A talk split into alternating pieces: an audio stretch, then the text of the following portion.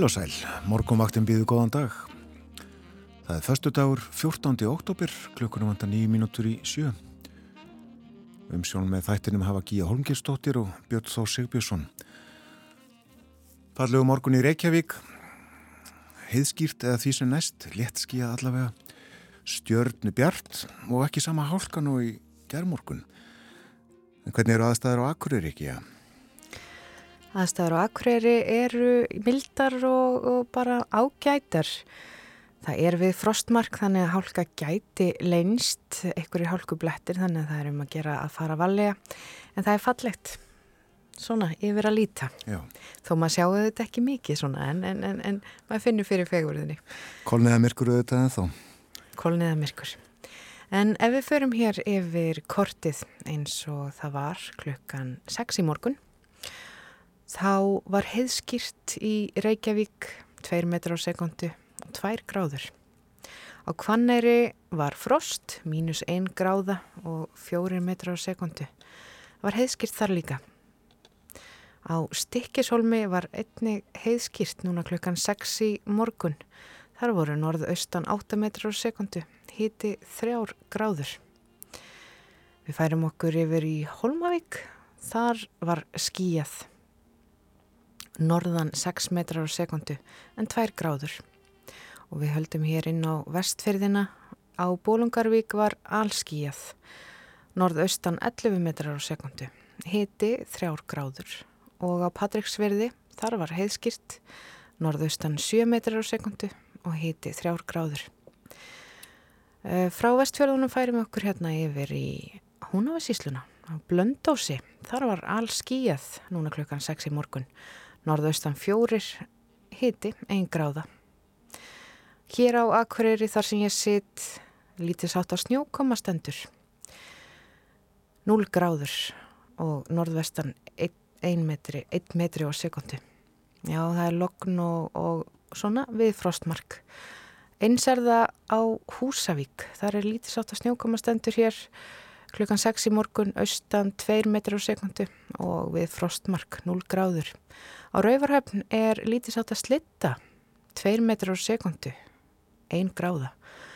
Skjaldingstaðir lítisátt að ryggning, það er norðaustan 3 metrar á sekundu, hítast í 2 gráður.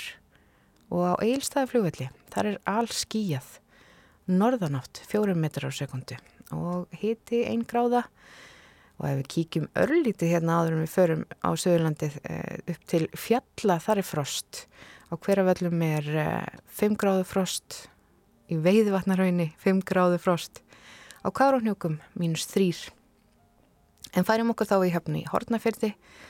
Á höfni skíjað, það er, eða klukkan 6 í morgun var skíjað, að norðan 6 metrar á sekundu hitast í 4 gráður. Það er rikning í kvískerjum, 2 gráður og 12 metrar á sekundu. Á kirkjubæklaustri er norðan 3 eh, metrar á sekundu, hitast í 2 gráður. En það eru 4 gráður hérna á Stórhöfða í Vestmanniðum. All skíjað og 5 metrar á sekundu. Já, það verðist nú vera bara ljúft uh, svona lokn víðast hvar á landinu. Uh, skíjað svona á austur helmingi landsins en heiðskýrt á vestari helmingum.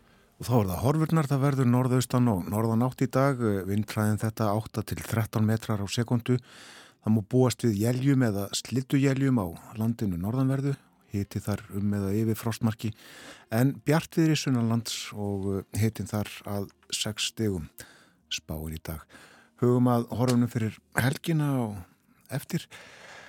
Nefnir það líka að það er hálka víða á vegum á landinu, einhverjum auðvitað á heiðum og fjöll, fjallvegum en uh, maður búast við hálku, hálku blettum á lálendi líka. Við hlustum á lag.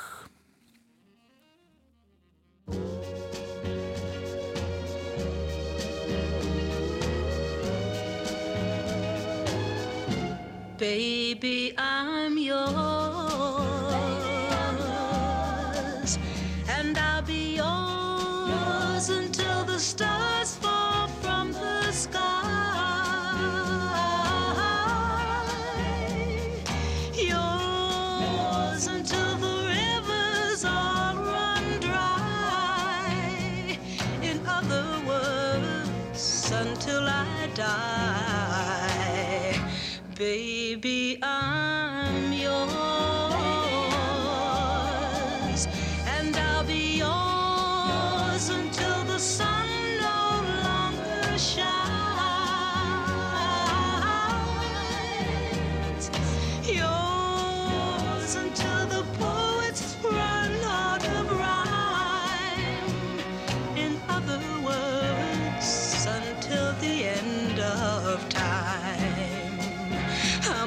stay right here by your side.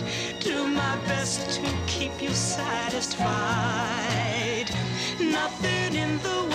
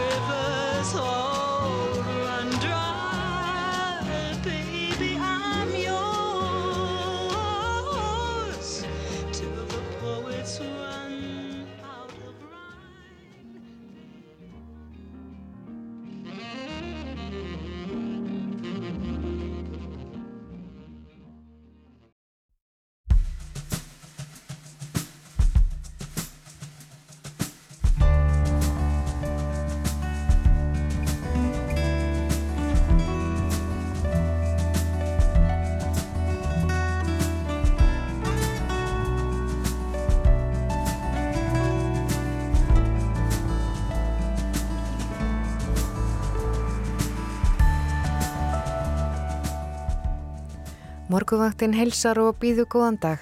Í dag er föstudagurinn 14. oktober.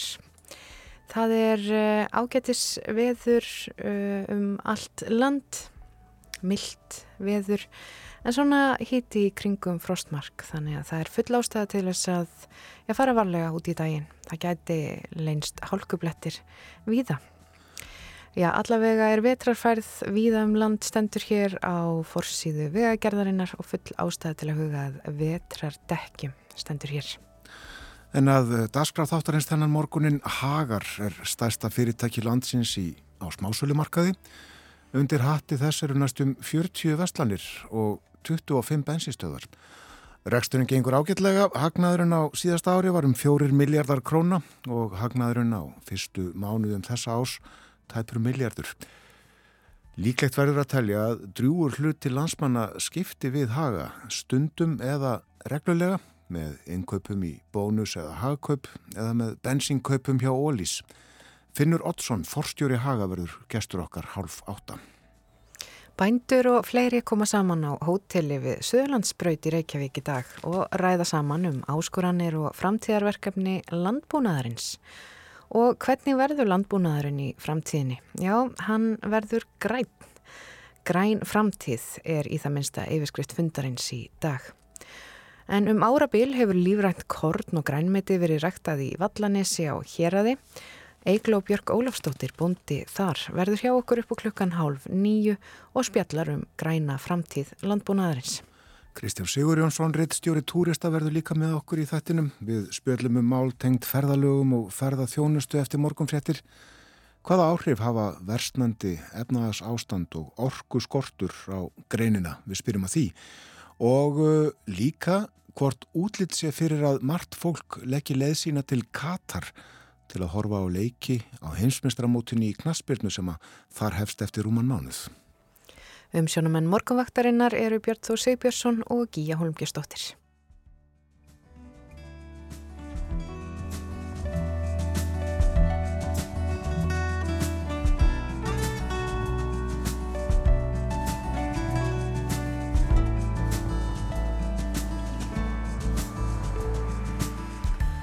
Þokkalegast að veður á landinu þennan morgunin en uh, það verður norðan og norðaustan átt í dag vindræðin víðast hvar 8 til 13 metrar á sekundu með jæljum fyrir norðan en bjart sunnan heiða. Hiti um frostmark á norðanverðurlandinu en tvekja til sjöstega hiti sunnan til. Og það hversi svo í kvöld og nótt. Verður kvöss norðanátt á laugadag og sunnudag. Um helginna sem sagt með 13 til 20 metrum á sekundu kvassast á vestfjörðum og síðar líka á Suðaustulandi. Og áfram regning eða slitta nærri sjáamáli á norður helmingi landsins en snjókoma á heiðum. Og það má búast við erfiðum axtur skilirðum og jafnvel vetrar færð þar en þurft að kalla sunnalands. Hitti 1-7 stig, það verður mildast við suðuströndina og það dregur svo hægt úr bæði vindi og úrkomu sent á sunnudag. Og uh, næstu dagar þar á eftir upp af næstu viku já, þeir verða rólegir segir veðufræðingur í, hugli, í hugleðingum yfirleitt bjartviðri og, og fremur hægir vindar.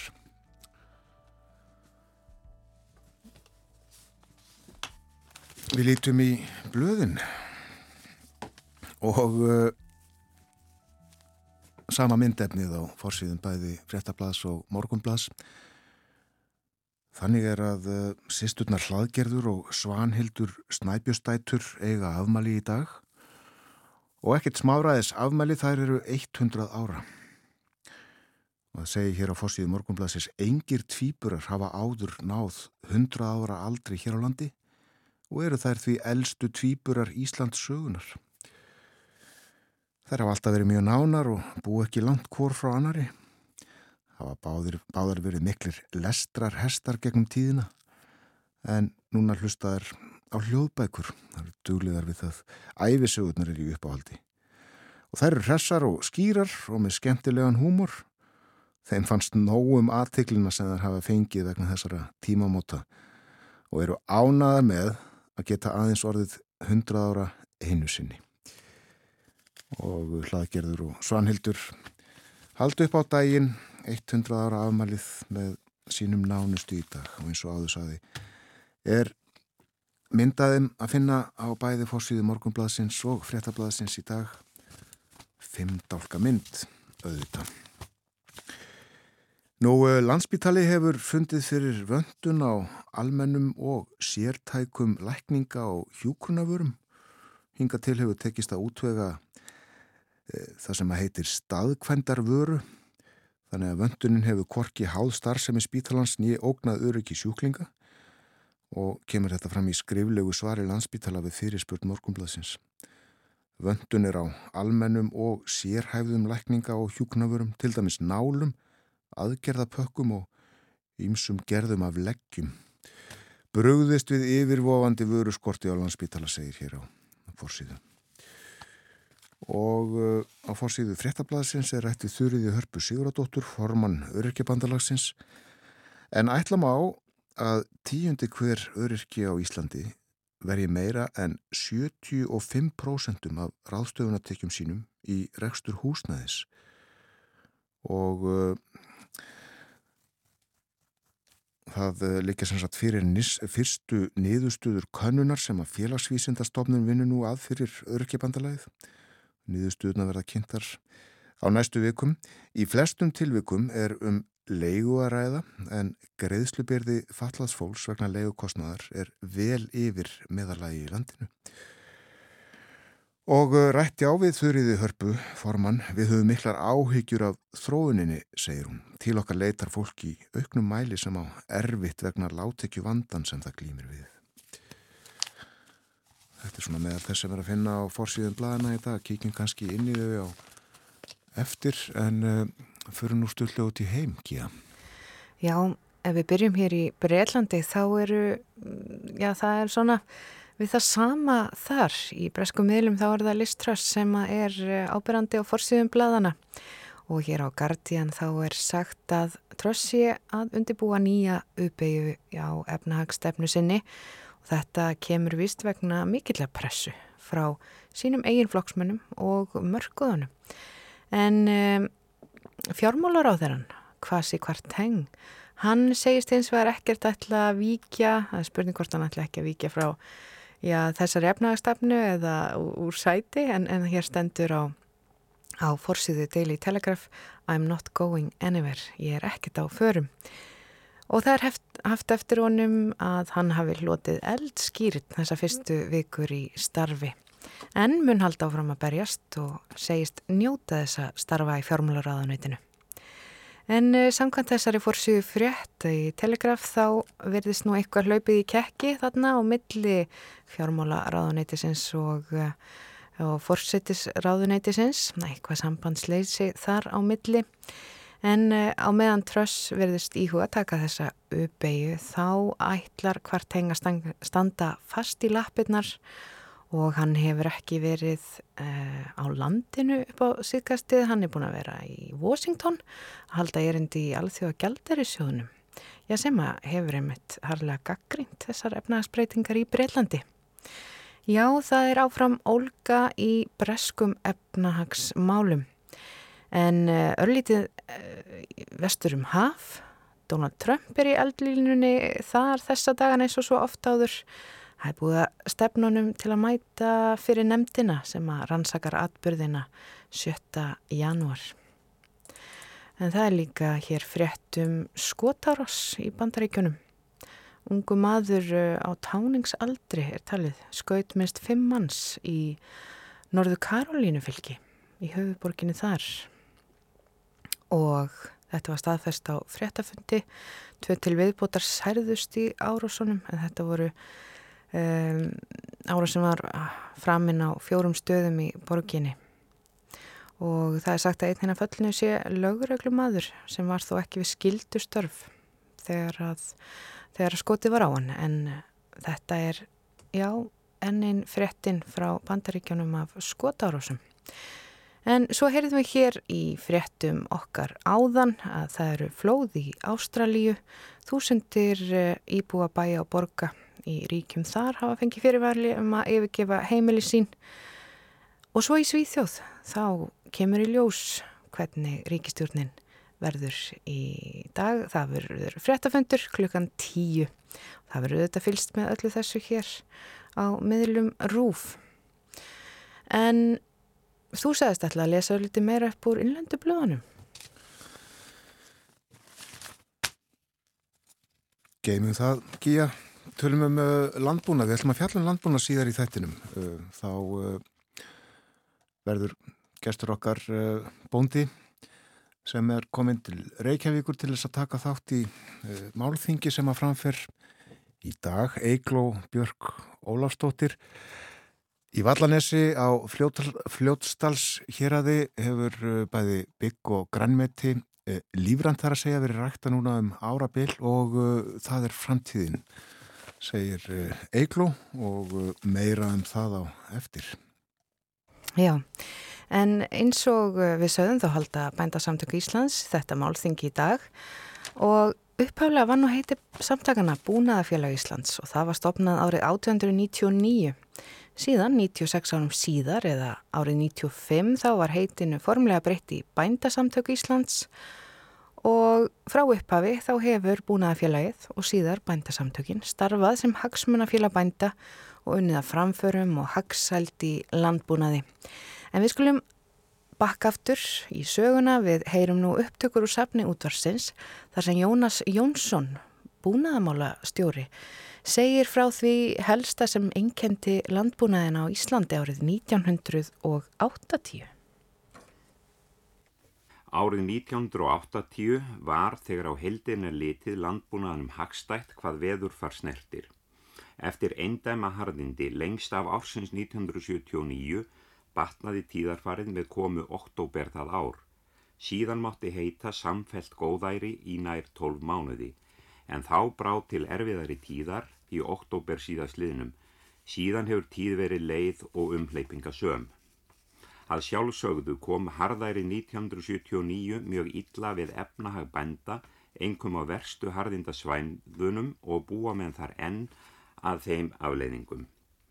Við þau bættust svo þau haglega gerðu skattalög sem heimuluðu skattstjórum að áætla bændum tekjur og notferðu þeir sér það og gerðu fjöldmargan bondan að myndum sakamanni fyrir. Væntanlega hafa skattheimtum mennir fundið þessar tekjur í afurðum af lömbunum sem að drápust vorið 1979 eða í rýrð þeirra sem livðu til haustsins. Annars mun bændum og starfsmönnum landbúnaðarins verða árið minnistæðast fyrir það að nú komu til framkvæmda ráðstafanir til að takmarka framleysluna við það mark sem æskilegt er talið. Bændur höfðu lengi eða í fullan áratug barist fyrir því að fá lögfestar heimildir til að beita stjórntækjum á framleysluna. Þegar þær heimildir loks fengust voru ákvæðin flókin og erfið í framkvæmt. Við þá framkvæmt hafa starfsmenn bændatsamtakana glimt þetta ár og hefur það tekið allt árið og þykir mörgum bændum sem enn sé ekki full ljóst hvernig þetta verður. Mjölkur framleiðslan hefur þó dreyið saman um 8,8% og hefur sennilega orðið um 106 miljónir lítra og er það því sem næst það sem hæfilegt er talið. Þá var verulega minni slátrun búfjár og kindakjötsframleiðslan um 11% minni en í fyrra, þrátt fyrir meiri falltungadilka. Þá munu bændur og sveita fólk einnig minnast þessa árs fyrir það að enn var ráðist harkalega á landbúnaðinn. Ekki með neinum rökum, fremur en fyrri daginn heldur með meiri óbelgirni en menn þykjast muna þó að langt hafi verið gengið í því sviði áður. Í hópin sem láta sér landbúnaðin miklu skipta hafa bæst samtök á sviði verslunar sem beitt hafa fjölmjölum til að rángtúlka þá viðleitni sem bændur hafa og samtök þeirra til að hafa stjórn á framleyslunni. Þetta er tekið hér sem dæmi um það hvað bændur fá litlar takkir fyrir viðleitni sína á þessu sviði. Þó að árið hafi verið að þessu leiti landbúnaðinum heldur leitt og erfitt, þarf útlitið ekki að vera svo dögt. Vonandi eru skuggarnir flestir að baki. Í hennum hefðbundnu búgreinum verður fyrst og fremst að stefna því að búa enn betur að sínu auka ekki við í framkvæmdum nema þá helsta ræktunina, bæta hana, bæta enn heiverkun og ná tökum á því að fá sem mest af afurðunum fyrir heima aflað fóður. Þá hillir undir það að nýjar búgreinar eins og loðdýrarækt getið orðið vakstarbroddur í landbúnaðinum. En margt fleira getur einni komið þar til og þarf að koma til. Landbúnaðurinn og sveitirnar þóla illa kyrstöðu. Framundan er því baráta fyrir nýjum vexti og nýrri þróun í landbúnaðinum. Já, nýr vöxtur og nýr þróun í landbúnaðinum, sagði Jónas Jónsson, þáverandi búnaðamála stjóri í þessu erindi, sem að hann flutti í útvarpinu 1. janúar 1981. Þetta var svona nýjórs erindi. Og það er verðt að geta þess að bændasamtökin þau eruðu til við sammenningu búnaðafélagsins og stjættarfélags bænda. En uh, áskorunarnar í landbúnaði hafa nú alltaf verið ímis konar og tækifærin fjölbreytt þó ekki hafa nú allt náða blómstra í þeim efnum eins og gengur og gerist eh, Jón, Jónas myndist þarna eins og já, þið heyrðuð á loðdýraræktina en fyrst við tölum um landbúnaðin þá er tilvalið að minnast á að fyrstu dagarnir í oktober það eru yðurlega nokkus konar uppskeru hátíð hjá ákveðinni nefnd í Svíþjóð sem að kenni sig við hinn sænska Alfred Nobel. Já, það eru Nobelsverlunin sem eru yðurlega tilkynnt í byrjun oktober og í gær voru liðin sex ár frá því að tilkynnt var að bandaríski tónlistamæðurinn Bob Dylan hliti bókmyndaverlun Nobels. Við skulum hlusta núna á lag með eh, Dylan, lag sem kom út árið 1981.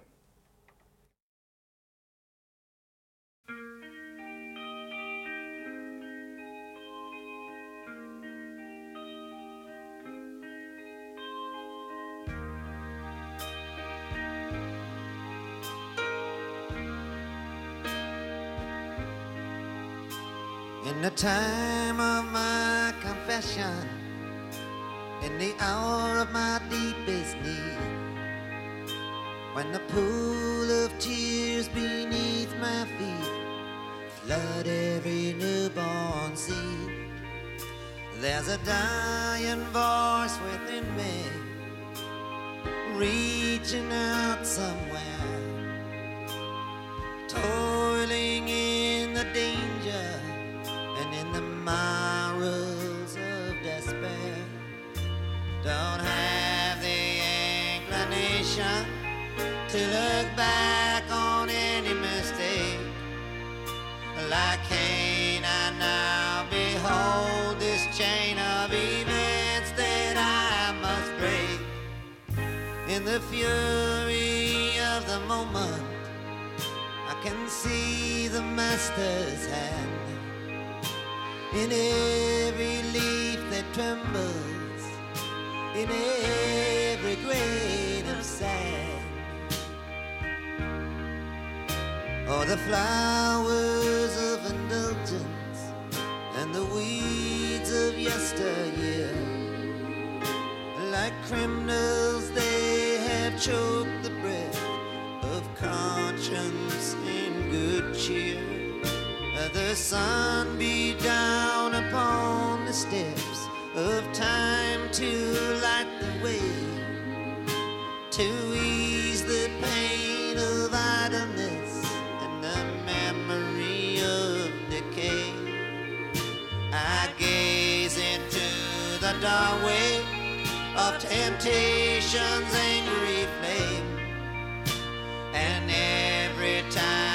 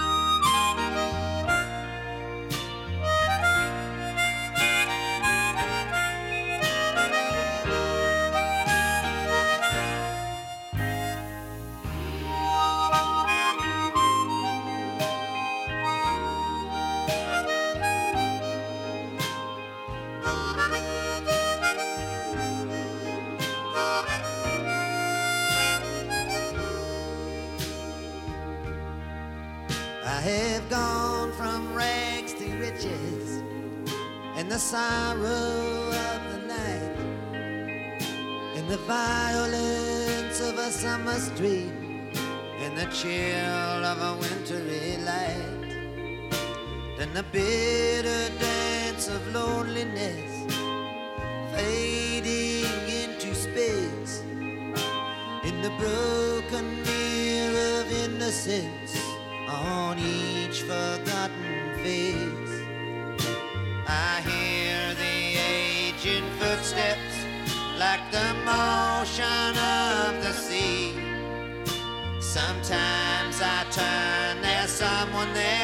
other times it's only me. I am hanging in the balance of the reality of man. Like every sparrow falling, like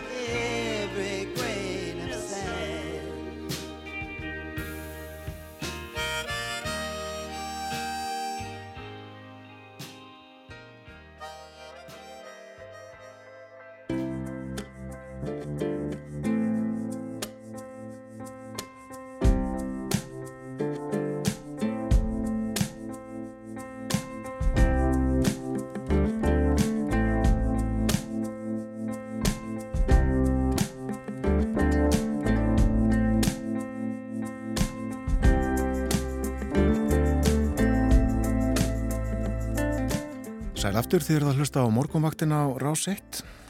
Það er förstu dagur í dag komin 14. oktober. Oktober mánuður, hálnaður, þar um bil. Klukkan nú rétt liðilega hálf átta. Það verður norðaustanátt og norðanátt á landinu í dag. Vindræðin 8 til 13 metrar. Jél eða slittuél á norðanverðurlandinu hiti þar eh, svona í kringum frostmarkið en hlýra fyrir sunnan og bjart viðri þar, 60 hiti jafnvel á Suðurlandinu. En það gengur í norðan 13 til 20 metra á morgun lögadag, þá eru kvassast norðvestan og suðaustan til. Rigning eða slitta nærri sjáarmáli á norður helmingi landsins en snjó koma á heiðum. Þurft að kalla sunnalands og hiti á morgun 1 til 7 stig mildast við suðurströndina. Nú eru fjallað um verslun og viðskipti eftir nokkur góð ár þar sem að jafnvægi var í efnaðarslífinu, verbulgan í kringum markmið, tölverð, kaupmáttaraukning varð og gengi krónunar í þokkalegu lagi þá tók að síga á ógæfu hliðina, kórunu veru faraldurinn og innrásinn í Úkrænu, innrás rúsa í Úkrænu hafa með fleiru raska þessu jafnvægi og verbulgan hún er nú yfir 9% og vextinnir í samræmi við það. Við ætlum að ræða um stöðu og horfur við Finn Oddsson, forstjóra Haga. Velkomin í þáttinn. Já, takk fyrir að fá mig í þáttinn. Er ekki rétt munna hjá mér að þú tókst í starfi forstjóra Haga um það byrj sem að kórnuveran komst á kreiki samfélaginu? Jú, það, hérna, þetta var hérna vorið 2020 og það verður nú bara viðkjörnast að, að þetta búið að vera áhugaverður tími síðan, gengið á ymsu og, og hérna kannski þegar maður heldur að, að, svona, að það sé að komast eitthvað, svona einhver ligna á eins og kannski lístir að því sem var hérna fyrir 2020 þá, þá bara kemur eitthvað annað. Já, en uh, fyrst í nefni faraldurinn hafði hann mikil áhrif á starfsemi haga?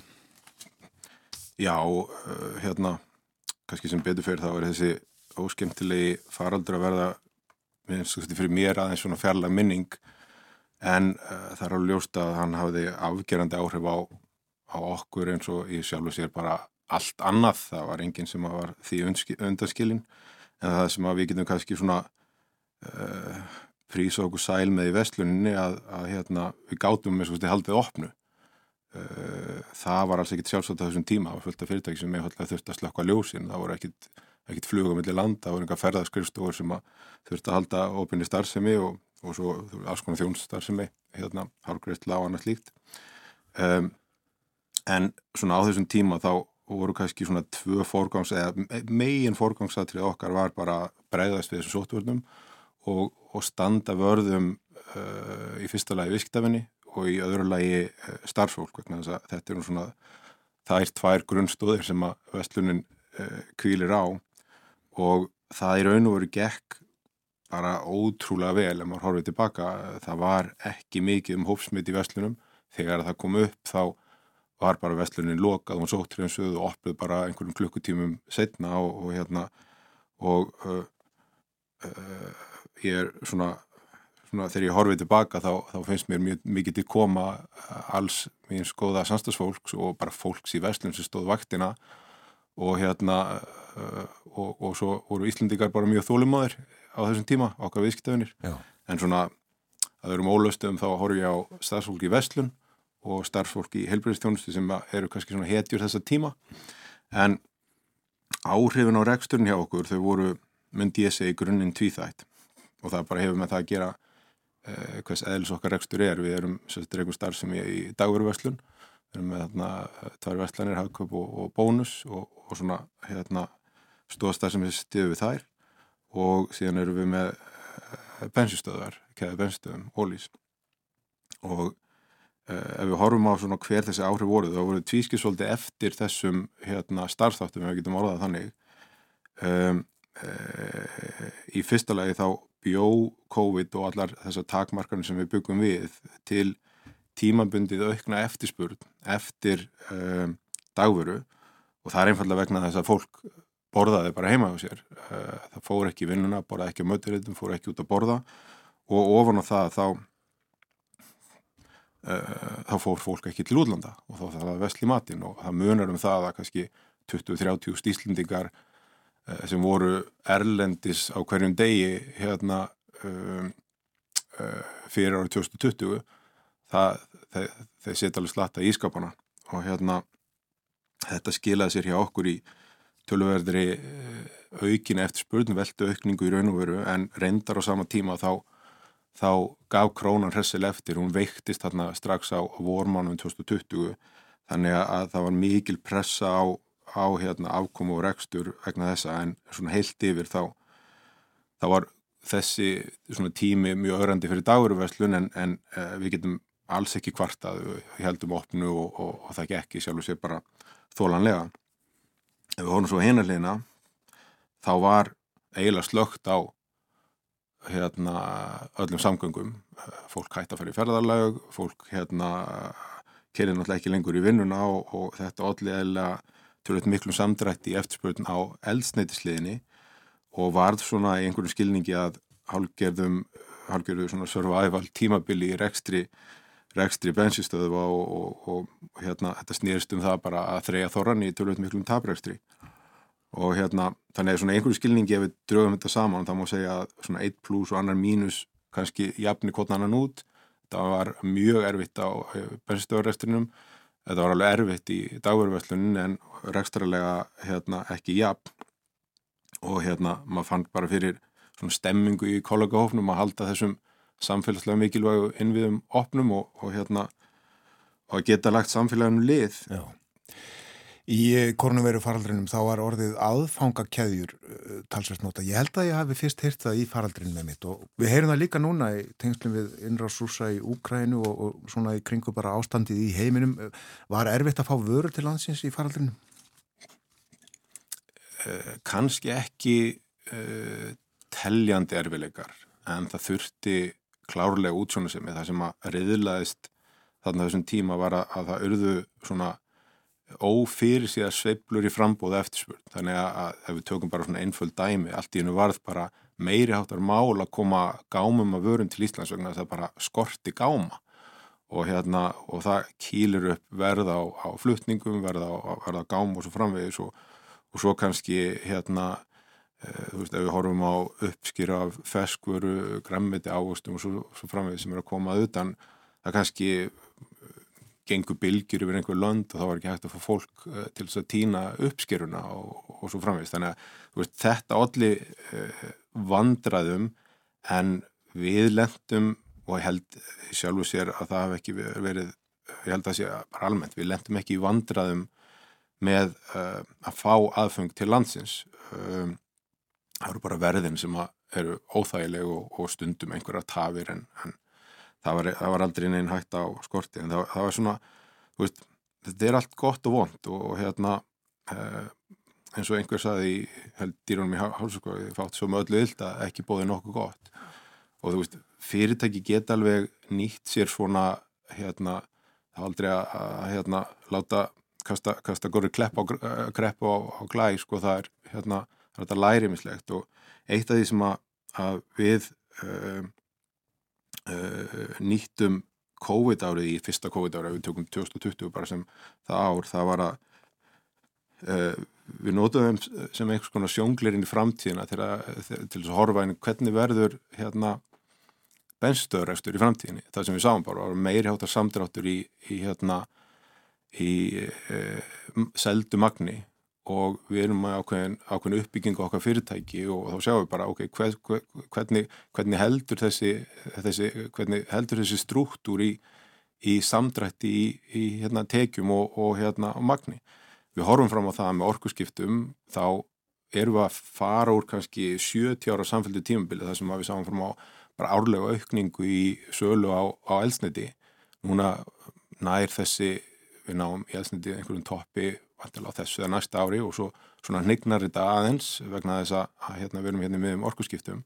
Þannig við gátum í rauninni tekið bara hérna gripilega aðgerða til að bregðast við í rauninni stöðun árunni 2020 uh, og, og við fórum í mikla breytingar á þjónustöðum, við vorum að breyta þjónustu frambóðu opnartíma, við hérna leggjum meira ást á sjálfsagrislu, við vorum að hérna að hagræða á skrifstum og taka svona óarðbarar eða einingar og, og, og loka þeim og þetta er að nýtast okkur núna þannig að það er alltaf svona, hefur kallum slettum silver lining í öllu þetta læra helling af, af kreppunum Já, já.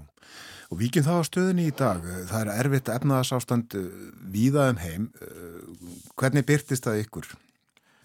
Já, það er rétt hjá þér, það er, það er erfitt og það er, það er skrítið, það er, það er til dæmis núna er, hérna heima á Íslandi er hvað 7% hagustur á, á þessum afir ári, það er hérna mikil þensla en það er samt uh, eins og ég sé það með svo það er aðeins byrjað að slakna á á þenslunni, það er náttúrulega eðlilega eh, mjög hraðar vaksta hækkanir hjá Sælubankunum og það eru farnar að býta eftirspundin er endistæðar, við sjáum hins vegar hún er aðeins að breytast en ef, ef við byrjum á þessum verðhækkanum því að sko þær eru á allra vörum uh, sá ég fréttum í gær að allþjóða gældrisjóðurinn hann, hann var svona að taka uh, að gera grein fyrir einhvers konar uh, könnun á, á, á mataverði í heiminum og, talar um að, að frá 2020 að mataverði hækka um 50% og sumi vörulegir eru er rauninni bara tvöfaldast í verði, eitthvað sem við höfum alveg séð, en það er eðlilegt þegar við sjáum svona hækkanir að, að við stöldrum aðeins við og veltum því upp, veist, er þetta eðlilegt og er eitthvað sem við getum gert við þessu, til að stemma stig við þessu?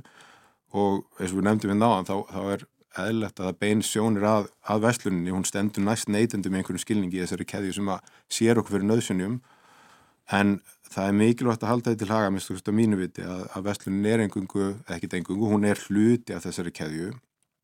Endapunktur sem hefst hjá ráfnisfæralöndi sem er kannski framleiða kveitið olju og hérna uh, svo er þessum afurðum komið til framleiðandi sem að, framleiða tilbúinu neytendavöru sem heilsala taka svo við og koma sér til vestlunar og vestlunin kemur til neytenda. Og, vandi okkar í dag bæði hérlendis og erlendis hann er ekkert flóknar en það að framlýstu kostnar á nánast allir í vöru hann hefur hækkað og hækkað mjög mikið. Og það er vegna vandræði aðfangukeðunni sem þú nefndir áðan.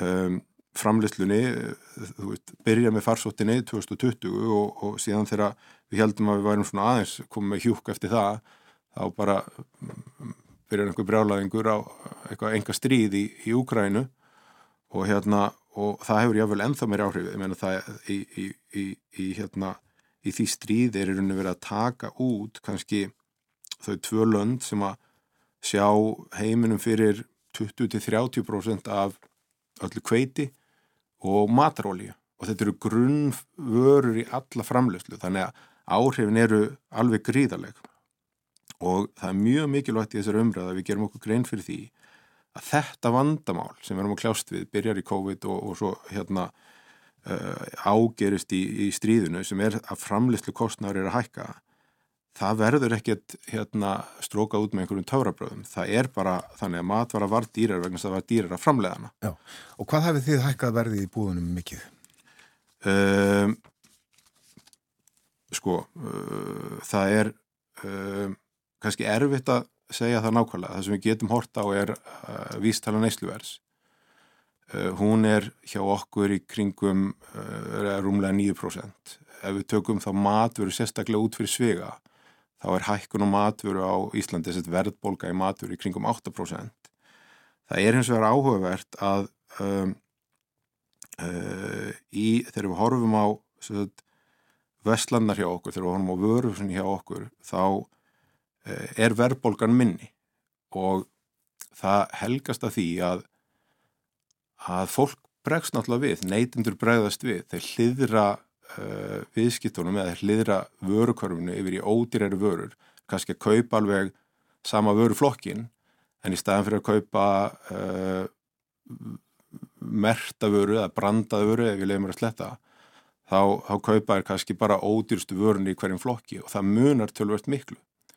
Og uh, þetta er nú svona okkar uh, okkar ærukýr hérna uh, hvað hvað getum við gert til þess að hjálpa neytendum að, að hérna, okkar viðskiptavennum að, að verja mei, minni hérna, minna ráðstofunartekjunum í, í maturu og ég gerði það ganni mínu hérna, fyrir, ekki það ganni mínu undirbjómi fyrir, hérna, fyrir árið ég hitti þig og það er hægt að færa ágætis rauk fyrir því að, að, hérna, að þessi hækkun á maturu sem er, ég ger ekki lítið úr því, hún er, hún er veruleg og, og náttúrulega allt og allt og mikil það er hægt að færa ákveður rauk fyrir því að það er hægt að vinna upp þessa hækkun eða vinna hana niður uh, með þá lítið svolítið breytingum á einköpukörfunni. Ég, ég tók fyrir og valdi að handhafa á einhverjar átta vörur.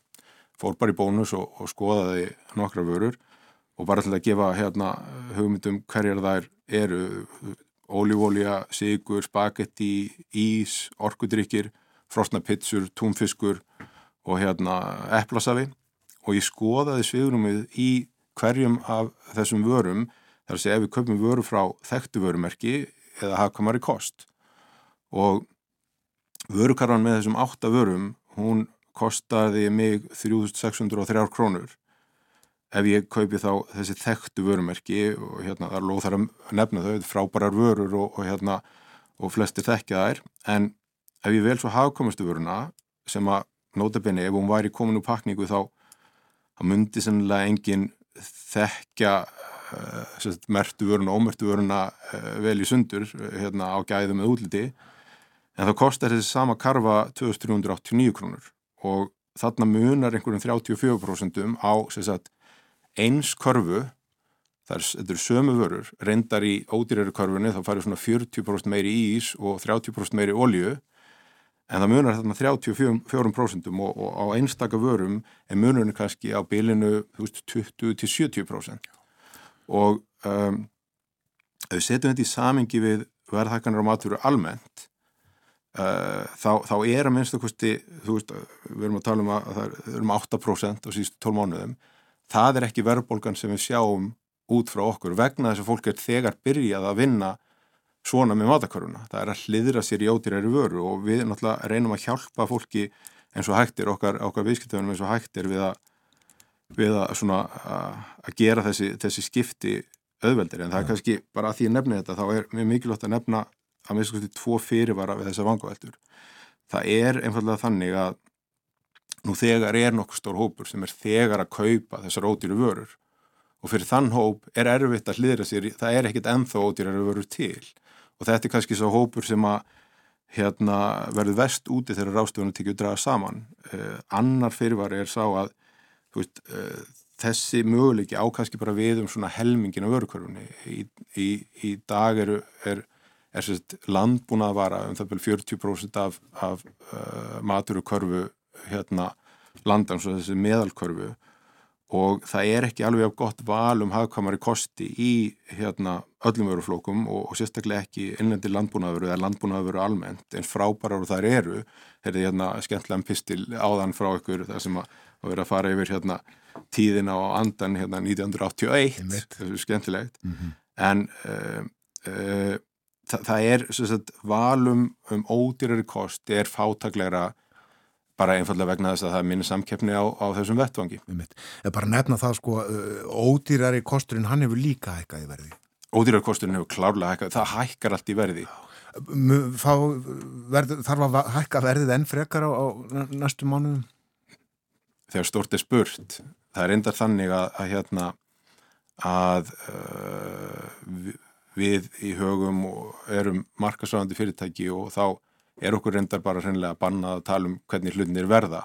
Ég, við getum talað um hvernig, uh, hvernig, hvernig hérna, verið hefur. Uh, vöruverð hefur hækkað eiginlega linnulöst frá því svona miðja ári 2020.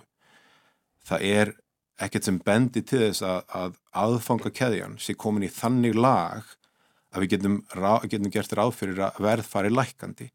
Uh, maður hefur ákveðnar áhugjur af vetrinum, eh, við erum að fá mikið að vörum frá Evrópu, það er orkuskortur, það er talað um að mögulega verið vesmiður hennilega bara ekki kerðar alla vikuna, þannig að við verum að sjá til en við munum gera okkar allra allra besta með okkar sterkastu vopni sem er bónus í að tryggja neytendum hafkomustu vörukvörun á hverjum tíma. Já, alltaf loku því að verði lækki þegar það uh, verður hægt að lækka það? Algjörlega, það er alveg 100% kristaltært og það er ég vinn með fólki sem ég nú kynast og hefur verið að kynast síðustu tvö ár.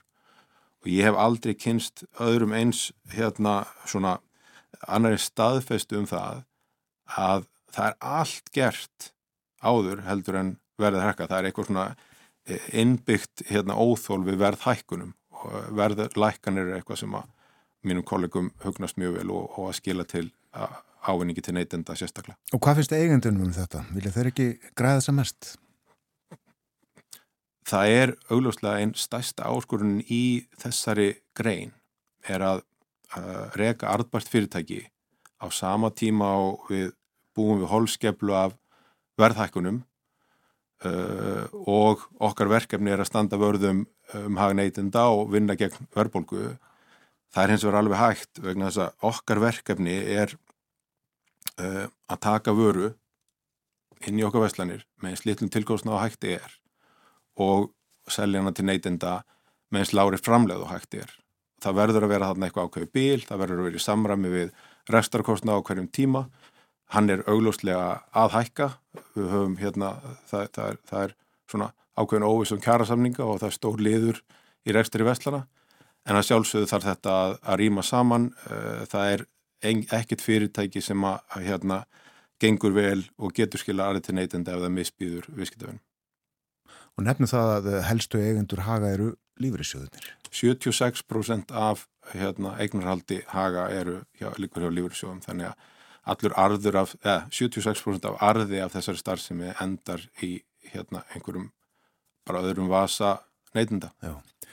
Réttir í blá lokin finnur Ótsson fórstjóri haga er hörð samkeppni í, á maturumarkaði. Já, hérna... Þetta er fákeppnismarkaður samkvæmt skilningi eh, og skilgrinningum? Já, þetta er fákeppnismarkaður og hérna það er uh, það er stundu þannig sko þegar maður, hérna, þegar maður byrjar að vinna í einhverju grein þá hefur maður ákveðnur hugmyndur um uh, hérna staðin sem maður er að fara að vinna og oftast næri eru þær hreinlega bara ekki allir þetta réttar hérna uh, það sem kom mest ávart er hvað samkeppni er mikil í þessari grein og, og sérstaklega þá uh, samkeppni á forsendum verðs. Það er vissulega hægt að keppa á mörgum öðrum hérna, þáttum eða forsendum. Við sem þjóðköpum törfum mikið af hérna, mati gegnum svona gróft skilgrindar uh, láruhessveslanir og um, uh, það, það er hérna um, já, það, það, það bara komir óvart hvað samkeppnin á verðgrunnunum er hörð. Það er eins og þannig, við bara fögnum samkeppni, hún er frábær fyrir alla og hérna uh, hvetur okkur til það að gera betur, þannig að, að hérna samkeppnin er góð bæði fyrir neytendur og fyrir okkur sem reygum fyrirtæki. Og við erum líka neytendur sem reygum fyrirtæki. Þakka fyrir komin á morgunvartina. Sumulegis takk. Finnur Ottsson er uh, fórstjóri Haga hefur verið frá því á vormánuðum 2020. Framöndan eru fréttir hjá okkur á morgunvaktinni, fyrst auglýsingar. Eftir fréttirnar uh, ætlum við að fjalla þessum ferðamál. Kristján Sigur Jónsson, stjóri túristaverði með okkur. Og milli hálni og nýju landbúnaður, græn landbúnaður. Gestur okkar Eigló Björk Ólafstóttir, hún er bóndi í Vallanesi á Hjeraði og það er nú aldeilis allt saman grænt og vænt og gott.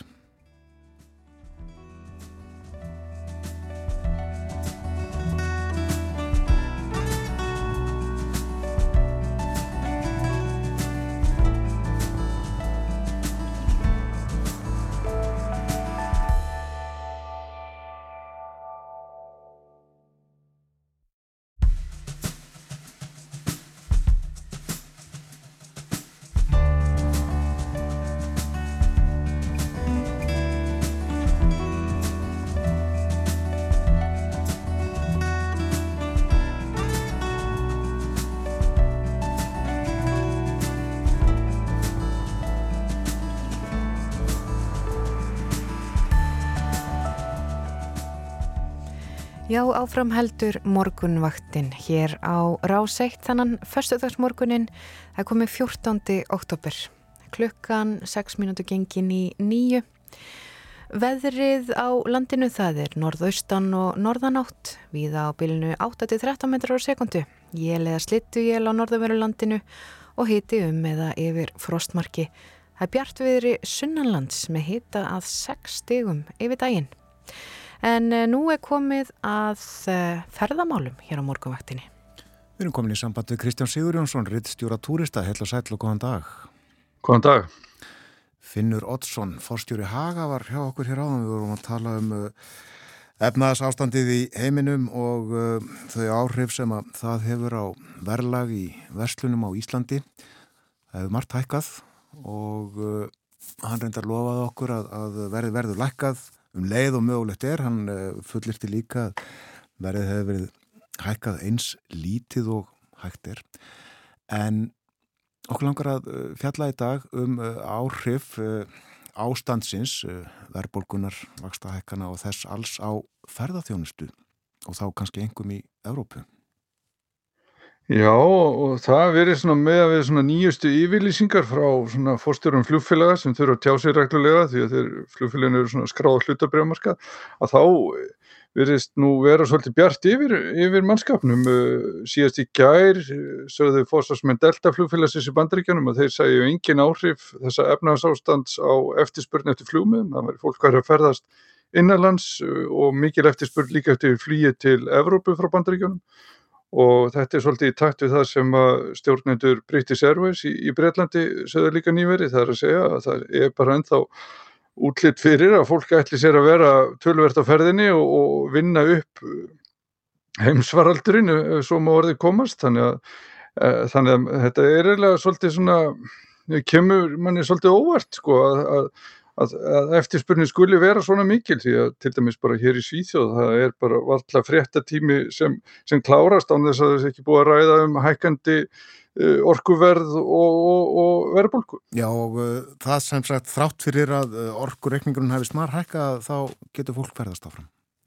Já, allavega með þessar yfirlýsingar en, en, en, en fórsvarsmenn flugfélagana hafa svo sem áður verið óvinni brattir eins og til dæmis í heimsfaraldrinum, þetta var alltaf alveg að koma en svo kom baksla en það var náttúrulega út af hérna, veirunni, koronaveirunni en núna allavega með þessar nýjustu yfirlýsingar þá er Er, er það svona árangur áfram ekkert stopp, það verður störa sem að hérna, fólk ætli sér að ferðast. En, en, en það er líka verið að tala um að hafi, svo sem minstri hafi breyst svolítið að fólk sé, gefur sér kannski lengri tími í ferðinar en áður og að tala um þetta nýja nýja, þessi þróun það er að segja að fólk sé að blanda meira saman vinnuferðum og, og skemmtiferðum þeir sem það geta og, og þannig að þetta sé svona, þetta er kannski ekki alveg sami markaður og var hérna fyrir heimsfaraldur en, en allavegna þannig að horfinar fyrir haustið og, og næsta sum að sérstaklega séu, séu brattar en, en, en auðvitað eru flesti meðvitaður um að á einhverju tímapunkti lítur þetta náttúrulega hafa einhver áhrif á, á ferðarlegu fólks að hérna Já, orkureikningar eru að hækka og, og, og verðbólgan almennt. En hafa ekki fargjöld hækka þá eins og annað? Jú, þau hafa nefnilega hækka alveg ótrúlega mikið í sjálfu sér og, og það er til dæmis komið fram í einu stóru flugfélagi að, að sko, þrátt fyrir að að farþegar í svona viðskiptaferðum séu tölvöld færri en, en þeir voru þá eru tekjunar af þeim meiri. Það er að segja að fólk er bara að borga miklu meira fyrir sætið í flugulónum en, en áður og, og en maður sér svo sem að, að hérna núna í vetur og eins og til, núna í november og svo svona tímum eins og í janúar og svona þá eru fargjöldin til og frá keflauguflugulli ofta tíðum ég ekki há og, og alveg ljósta að þá eru náttúrulega flugfélagin í sjálfur sér að borga með hverju einasta sæti en, en síðustu já, mánuður hafa sennilega verið alveg óvenju góðir hvað var það tekjur af flugfartegum og af hverju sæti til dæmis í flugi frá Íslandi og við munum sennilega sjá það þegar að Æslandir og Play kynna uppkjör sín fyrir síðasta ásfjörðunga að þar hafa örgulega farþegatekjunar verið herri en, en já, næstu í elstu menn muna. Og það er líklega líka dýrar að kinda hótelin eða kæla eftir hverðu ert.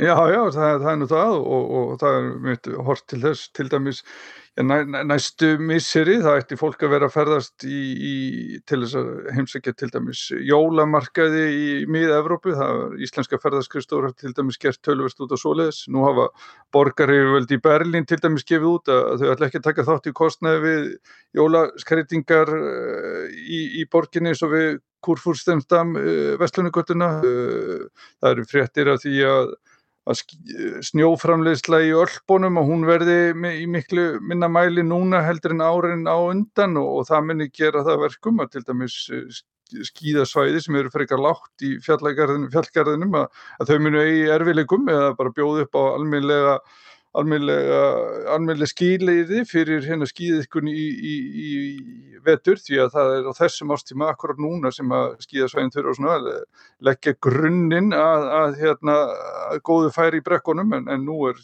dýrt að hérna setja snjóframlustinni í gang. Tölum aðeins um þetta, það þarf að framlega snjójá í, meira að segja öllbónum, snjónin sem að skýða þeir í, hann kemur ekki allur að himnum ofan? Nei, nei, það þarf að búa til svona einhvern grunn og, og hérna sem eh, svo náttúrulegi snjórin fellur ofan á og, og, og aðstæður verða þar að leiðandi ég eins og fólk þekkir það er orðið í dag. Þannig að það hefur, það er svona mikið undir einmitt á, á mörgum skíðasvæðum að, að það geta sett snjóframlöslina á fullt núna og maður sér það hér í Svíþjóð til dæmis eru skíðastæði fannir að tala um að þessi að hérna hafi náttúrulega verið að nýta snjó frá því fyrra sem hafi bara verið geimtur í fristigamum en eitthvað kostar það nú að halda snjónum eh, hérna í sínu upprunlega formi yfir allt sumarið en, en, en hér í síðan mitt er líka að tala mikið um þetta að þetta verði auðrís í skíðavertíð en, en áður. Já. Er þá líklegt að, að fólk hætti við að fara í fjöllin? Já, ef það fara að berast einhverjar sögur af því að það er eh, hérna slæm skilir eða annað þá er alveg næsta víst að fólk muni býða með skíðaferðir þennan veturinn en, en, en eh, við skulum ekki slá þetta alveg út af borðin ennþá en, en þetta er allavega svona það eru vangaveltur sem eru uppi já víða varðandi veturinn að þetta verði hérna kannski ekki Já, það er eiginlega mjög mikið undir að það verði bara snjóþungur vetur fyrir marga skíðastæði því að það verði allt og dýrt að framlega snjóin. Það þarf líklega að kynnta vel hótelherbergin í Ölpunum og öðrum skíðasvæðum en það þarf að kæla þau í Katar og uh, þar fer heimsmestramótið knaspinu fram hefst eftir uh, rúman mánu 20. november minni mig. Uh, vitu við, er líklegt að margt fólk leggji leið sína til Katar á Arabíuskaga og fylgist með HM? Já, það er allavega uh, fyrstanir þar vonast til að það verði um einu hálf miljón ferðamanna sem komi til uh, ríkisins núna vegna uh, heimsmyndstarmótsins og hérna það sýnir sig svo sem í, í svona tölum að eftirspurn eftir flugi til Katar hefur markvaldast uh, frá því sem var til dæmis á sama tíma árið 2019 þannig að það er greinlegt að það eru miklu fleiri sem að leggja leið sína þangað núna í, í nóvember og desember en, en í svona í venjulegu árferði og, og, og tala um tífalda eftirspurn eftir bara flugmiðum til Katar almennt uh, frá þeim sagt, ríkjum sem eru með lið á mótinu, það skal nú tekið fram. En uh, það sem er mjög áhugavert við þær tölur er að það er langmest aukningi eftirspurn sko, eftir flýði til Katar frá nágrannríkjum frá Abu Dhabi og Dubai. Því að það er víst þannig að það ætla mjög margir eh, að knaspuna áhangendur að dvelja í þessum tveimu fyrsta dæmum og fljúa svo bara til Katar til að horfa sitt, sitt lið spila. Þannig að þetta verður, það verður loftbrúð þarna á milli og, og það tekur nú bara já, rétt um klukkutíma að fljúa frá Abu Dhabi til eh, til Katar en, en Katar flugfélagið, Katar Airways ætla sko að nota breyðþóttur í þessa flutninga. Þannig að þetta verður hérna svolítið áhugavert að sjá einmitt svona eiginlega notaðar risastóru breyðþóttur í hálfgert innanlandsflug. Og fólk verðist ekki setja mannréttindabrót í Katar fyrir sig. Nei, allavega ekki, ekki mjög margir en allavega þetta er náttúrulega eili, eilið umræð um þetta, það er að segja hvort að fólk ætli að hérna sætta sig við þetta og horfa ekki henni fingur sér en, en það verist allavega að vera nógu stór hópur sem að gera það og, og, og, og mæta á, á svæðið þannig að þetta stefnir um þetta í að, svona verður þetta það verði nokkuð þétt setnir leikvangar allavega í, í fyrsta dæminu næstu vikur Bjórdrykja fylgir knaspinu áhuga uh, og, við, við þekkjum það. Uh, það má ekki drekka áfengi er það í Katar. Nei, en, en þeir segjast ætla að vera með svona afmörku svæði þar sem fólk getur hérna að fengja sér áfengi. En, en almennt er, er það ekki til síðs að fólk sé að drekka áfengi í Katar. En, en það verður gerð undan þá að þarna. Já. og þá líka þeir segja að það verði sérst, já, samkynnið pör geti gengið um þarna og haldið utan um hvort annað og, og án þess að, lögreglan hafi áskipta fólki. Þannig að þeir lofaði því að, að það verði hérna umbyrðalindi verði tölvöld meira en, en almennt er í, í, í þessu ríki. Já, einmitt, samkynnið er bönnuðar. Já.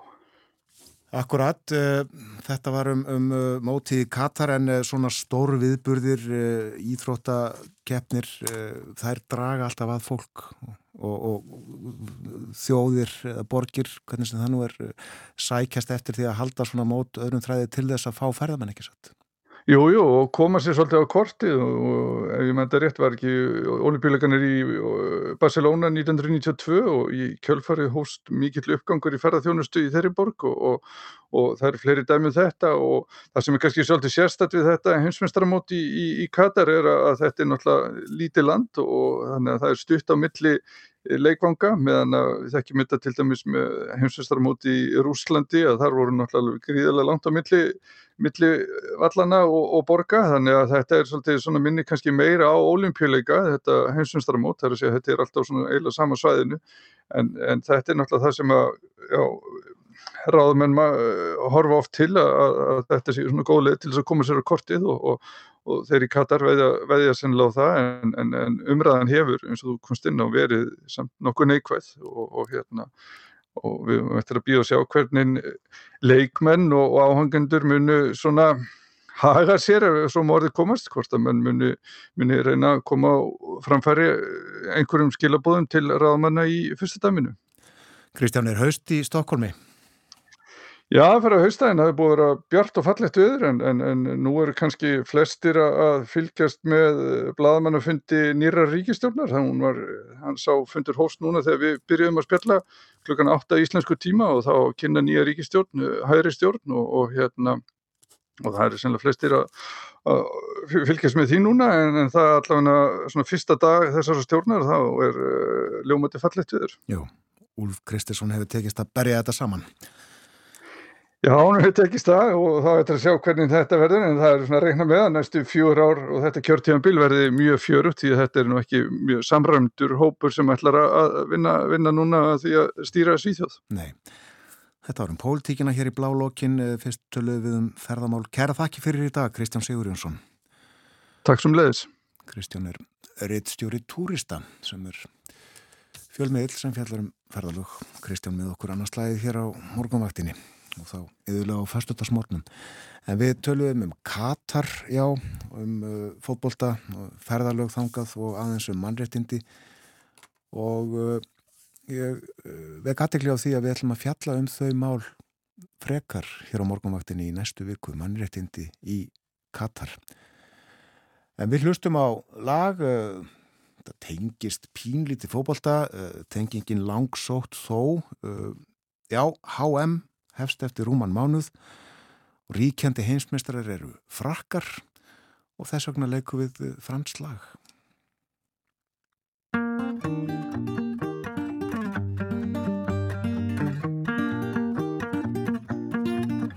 On n'a pas pris la peine de se rassembler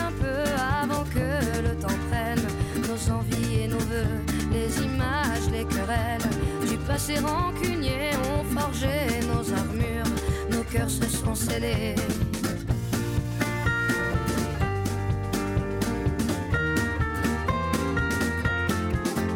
Rester seul dans son coin, nos démons animés, perdus dans nos dessins, sans couleur gris foncé, on aurait pu choisir le pardon, essayer une autre histoire d'avenir que de vouloir oublier. Prenons-nous la main le long de la route, choisissons nos destins, sans plus aucun doute. J'y foi et ce n'est rien qu'une question d'écoute, d'ouvrir grand nos petites mains, coûte que coûte.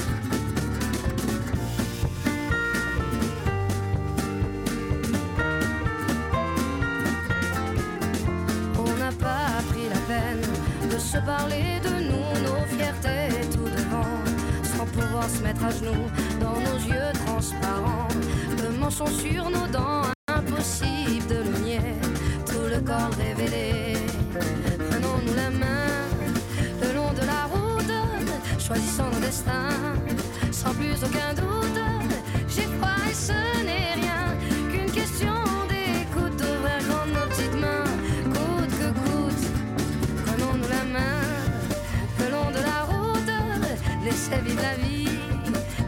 retenir.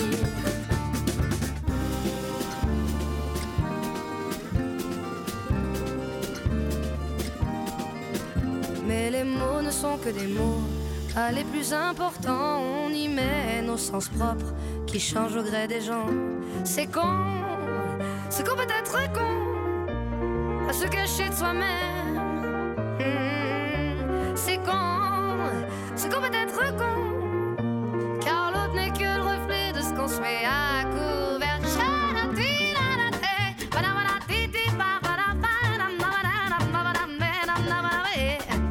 Si nos schémas ancrés ne viennent pas nous figer, c'est le début de nos rêves qui tendent à se confirmer. Prenons-nous la main le long de la route, choisissons nos destins sans plus aucun doute. Froid et ce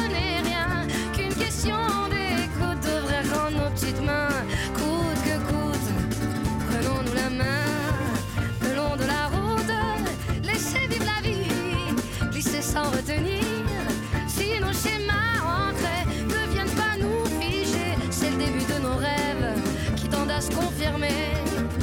C'est con, ce qu'on peut être con, à se cacher de soi-même. Hmm, c'est con, ce qu'on peut être con, car l'autre n'est que le reflet de ce qu'on se met à couvert.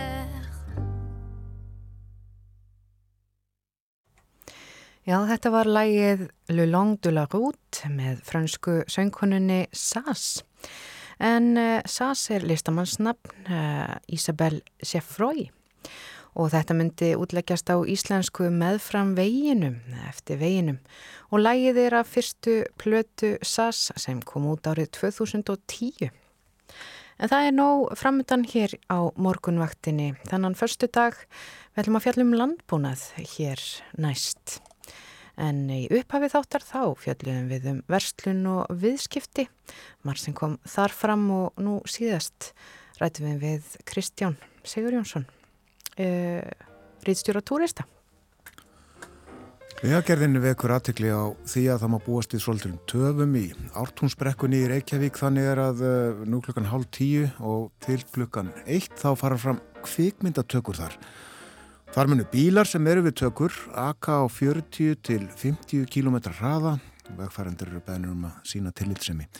Og það er hálka víða á vegum, hálkublettir víða á vesturlandi til að mynda en uh, snjóþekja sumstaðar á vestfjörðum til dæmis á Steingrinsferðarheiði og það er krapi í súandafyrði og undafyrði og hálka á fjallögum almennt, uh, hálka líka víða á Norðurlandi og snjóþekja sumstaðar á Norðausturlandi, það er krapi á Vaskarði Eistra.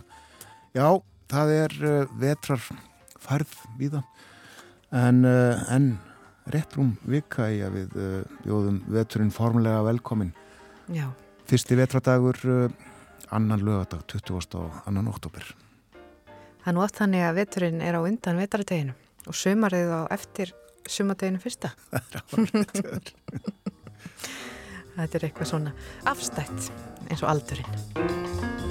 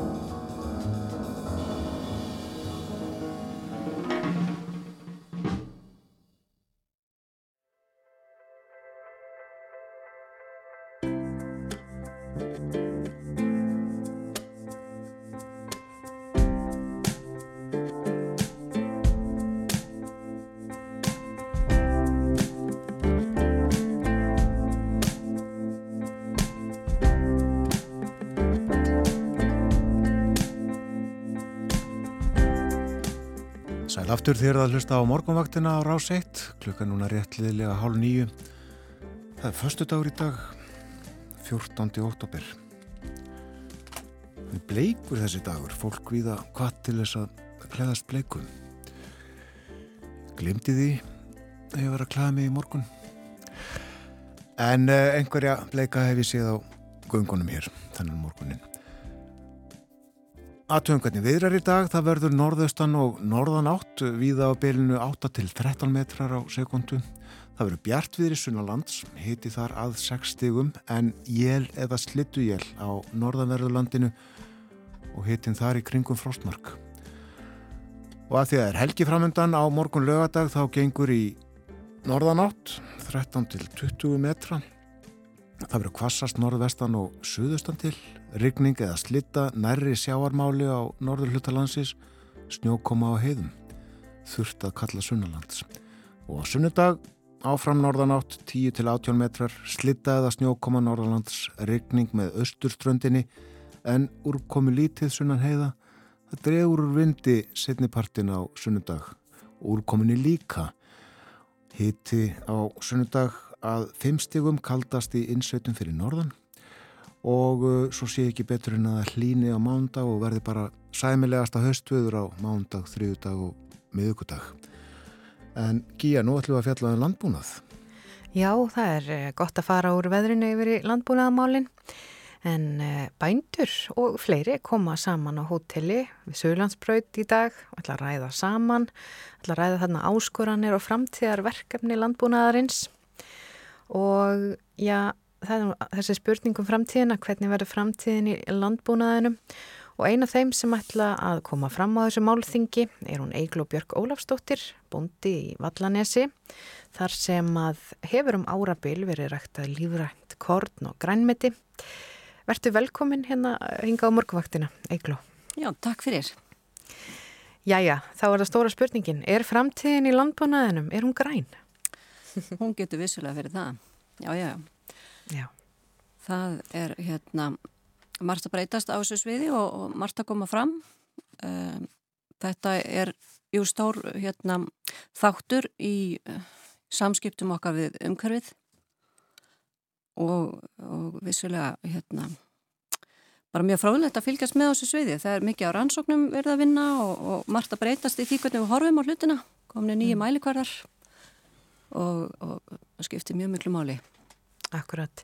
Eh, Þú ætlar að flytja erindi á eftir á málþinginu. Hún erindið, já það er titillin matvæla framlegsla í skjóli skóa lífrænræktu til framtíðar og, og Vallanes er nú þekkt fyrir lífrænræktun og já þeir eru þarna í skjóli skóana.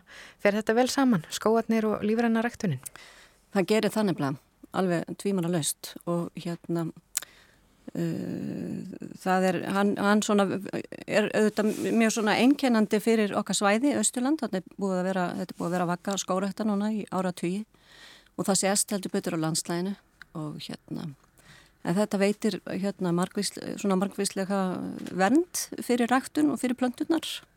Vorum við myndið að tala um, tala um veðrið á hann og hérna en þetta, þetta veitir skjól fyrir vindum og, og, og, og gerir oft svona bjargar, bjargar uppskeru í, í vondu veðufari til dæmis Já, já. en þetta er auðvitað fyrir þá sem eru með, með bústaf líka mjög, mjög ákjásanlegt þannig að þetta, fellur, þetta getur fallið mjög vel saman Já, og hvað er svona sem þú ætlar að fjalla um í erindinu eftir?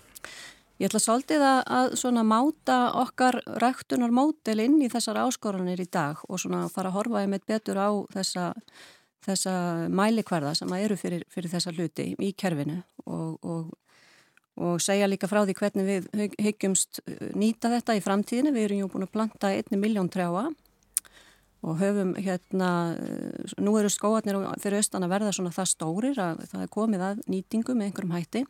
Mm. Fyrstu skrefin okkar voru svona, uh, kannski inn, svona, inn í, í sköpunagleðina og, og, og þvílegt. Við byggðum, byggðum kaffihús og veitingastað úr, úr Aspartrjám fyrir nokkrum árum. Það stendur þarna í miðju bílinsins uh, Asparhús, þar sem við rekum veitingastað, svona græmitisveitingastað og erum með veslun og, og tökum á móti gestum. Við hefum líka verið að nota, nota treni í skildi og netjahluti og, og húsgögn og, og svoleiðis, okkur til skemmtunar og, og svona, til að láta já. fara vel um gestina. Og svona verið að, já, það hefur reynt svolítið á, á þennan íslenska við hjá okkur sem, sem bygginga við.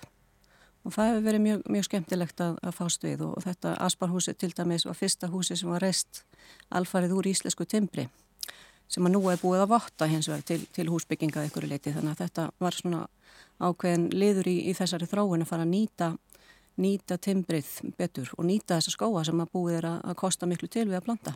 Já, og vinnir þið þá viðinn áfram á uh, Vallanessi eða þurfum við að leita annað? Já, nei, við ætlum ekki að vera í, í, í því, við, við ætlum að halda okkur við matin, það er nóg að gera þar. Já. en hérna, nei, við erum hins vegar í mjög góðu samstarfi, við erum nú heppin að hafa skóraktina þarna í tíu minna fjöla frá okkur og þau hérna, söguðu við niður fyrir okkur og þurkuðu og svo framvegs. Þannig að það var ekki langt að fara til að sækja slíka þjónustu og svo er komið hérna, sérhæft fyrirtæki inn í fljóðstall sem heitir skóarafurðir og þau voru með margvíslega svona aukalhutti fyrir okkur eins og söguðu parkatið og gerðu panelin inn á húsið og, og eru svolítið að sérhafa sig í að, að vinna Íslands timpur emitt fyrir hannuði og, og svona í byggingar. Þannig að það, við, við erum mjög vel sett með þetta hvað þjónustu Já. er svona að finna nálat okkur. Vel í sveit sett. En uh, tölum að þessum bara stuttlega vallanes, uh, þeir eru þekkt fyrir lífrannar ræktum, hvena byrjuðu byrjuð þið að, að, já, á þessu uh, þarna á jörðinni? Sko, maðurinn minn kom þarna uh, 1979 og þá hafði nú ekki verið bóndi í, í 20 ára á endan þannig að, að landið var bara bert og, og ónumið. Uh, og hann var svo skinsamur og hann byrjaði á því að móta fyrir öllu agurlendi og öllu, öllu ræktunarlandi með, með skóum. Þannig að fljótlega eftir hann kemur að 1983 þá byrjar hann að planta skjólbeltum. Og síðan eh, þau voru með hérna, kúabúskap fyrstu tíu árin, hann og fjölskyldans á þeim tíma en síðan eru breytingar á kerfinu og, og þau voru byrjuð að rækta grænmeti og, og korn fyrir kýtnar og svo viss og svissuðu sérstaklega með fljótlega yfir.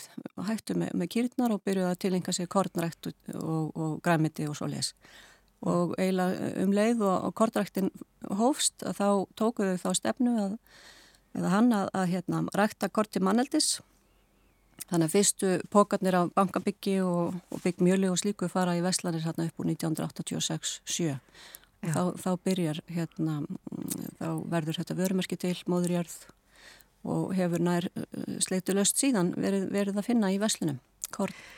1986 og 87, þetta eru 34-5 ár síðan, já. Eh, var mikill skilningur á lífurætni ræktun á þeim tíma?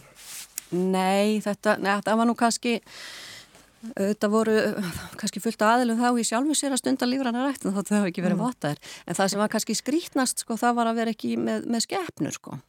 Já. Að hætta með kýtnar, það var mörgum svolítið áfall.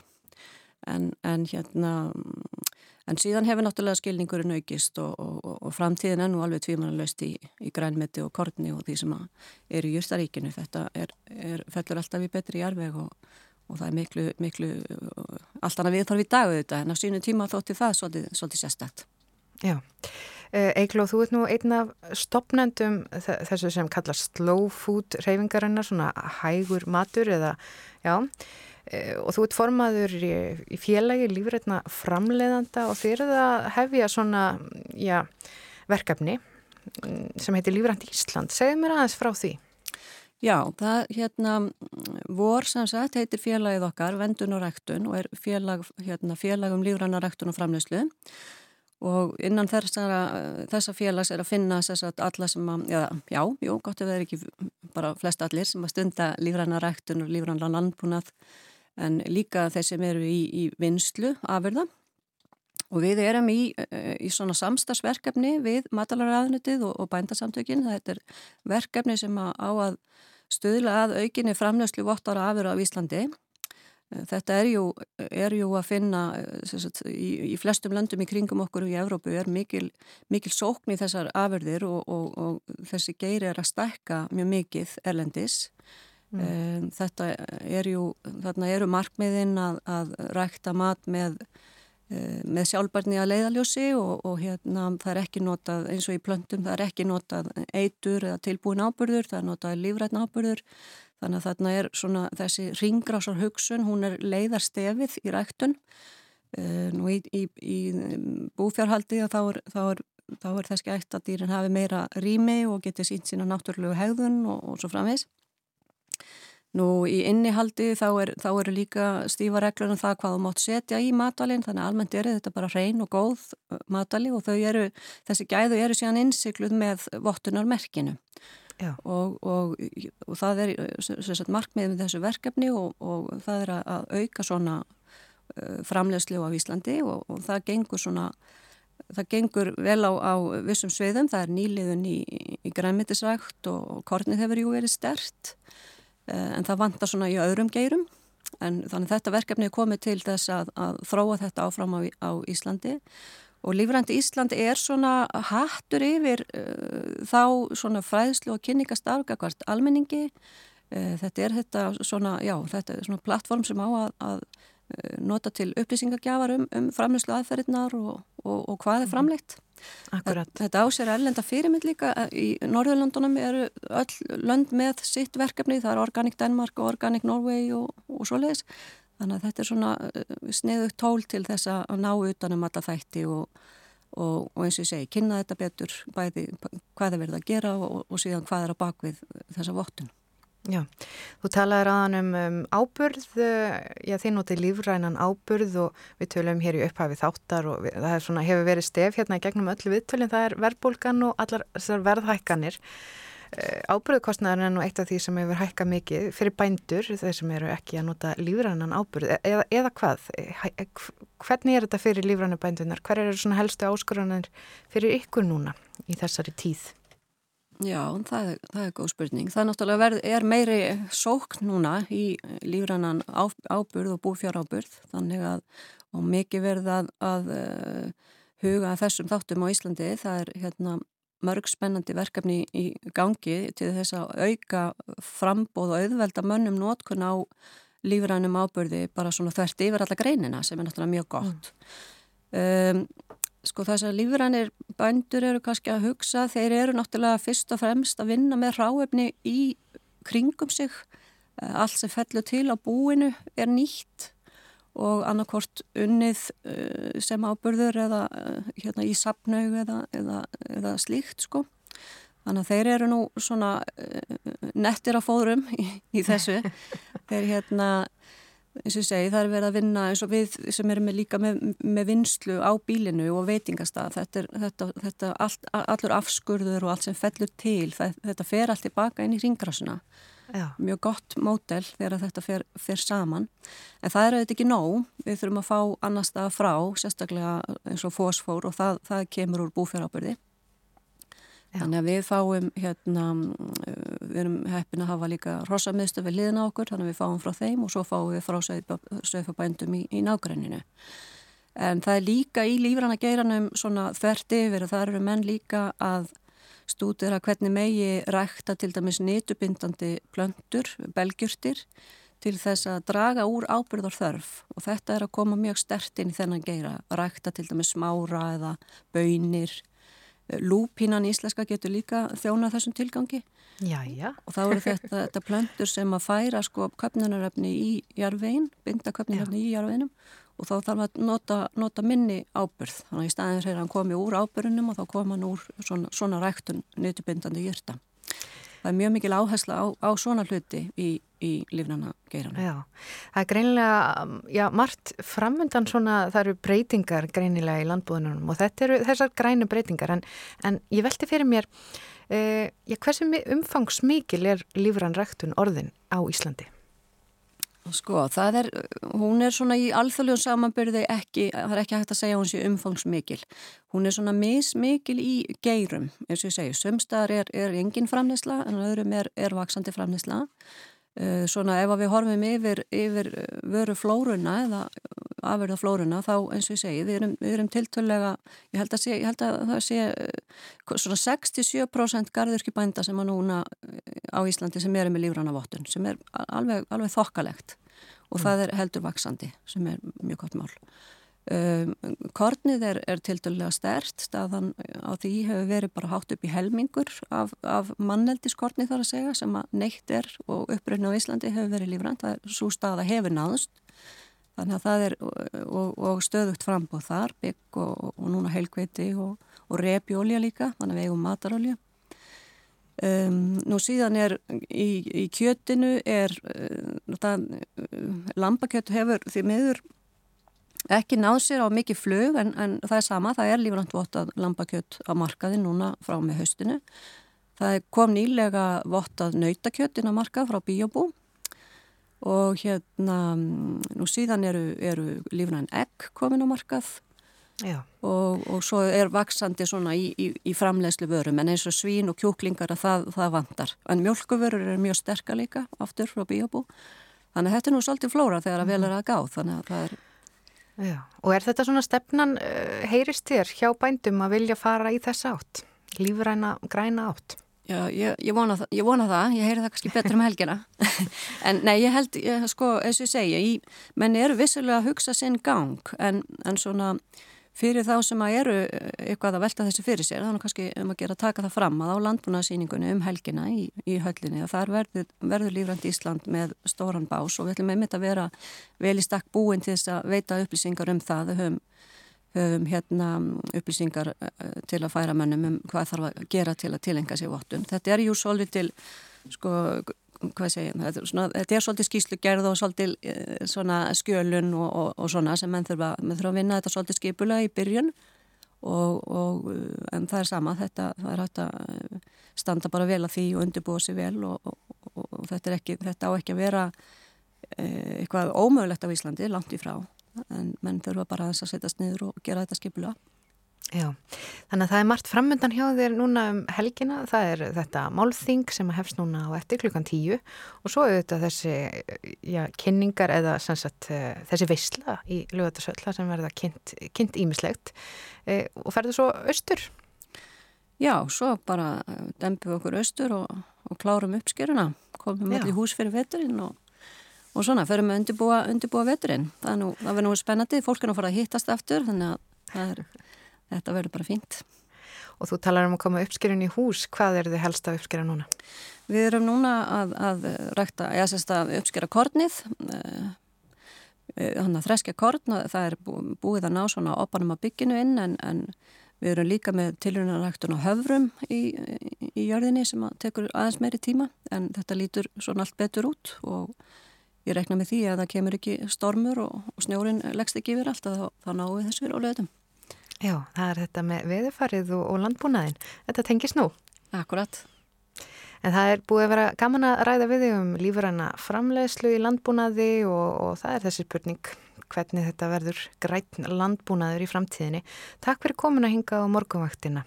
Eigló Björg Ólafstóttir búndi í Vallanessi og hér að þið. Takk fyrir kjalla. Og gangið er vel út í daginn. Takk, takk. En uh, það er þá við hæfi að setja á eitt lag. Hér er uh, Kristjána Stefansdóttir með lagið Hinn elskulegi gardirkjumadur.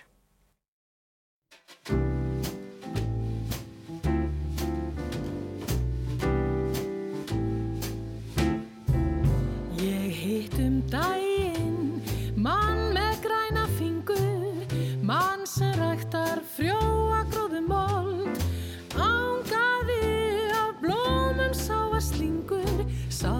sáðmaður sem klætti jarðar hold, um mjúkan svörðinn, fingrum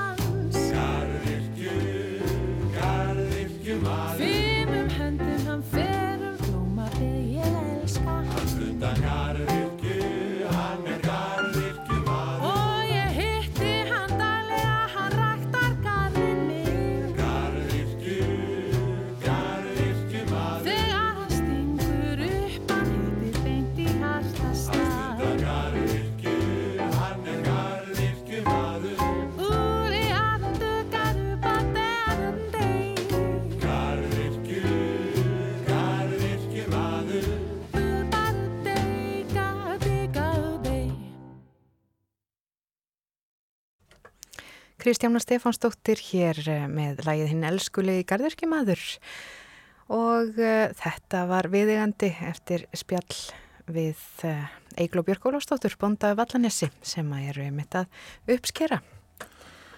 En ekki rósir, en það er annað. Og þetta lag eh, síðasta atriði morgunvaktarinnar þennan morgunin klukkan al, alveg að verða nýju og komið að lokum þáttarins í dag. Og þessa vikuna, já, það er helgi framöndan. Við byggum góðan dag tíu myndur í sjö í morgun og gerum það næst á mánudaginn. Björn Þór og Gíja þakka samfélgina í dag. Verðið sæl.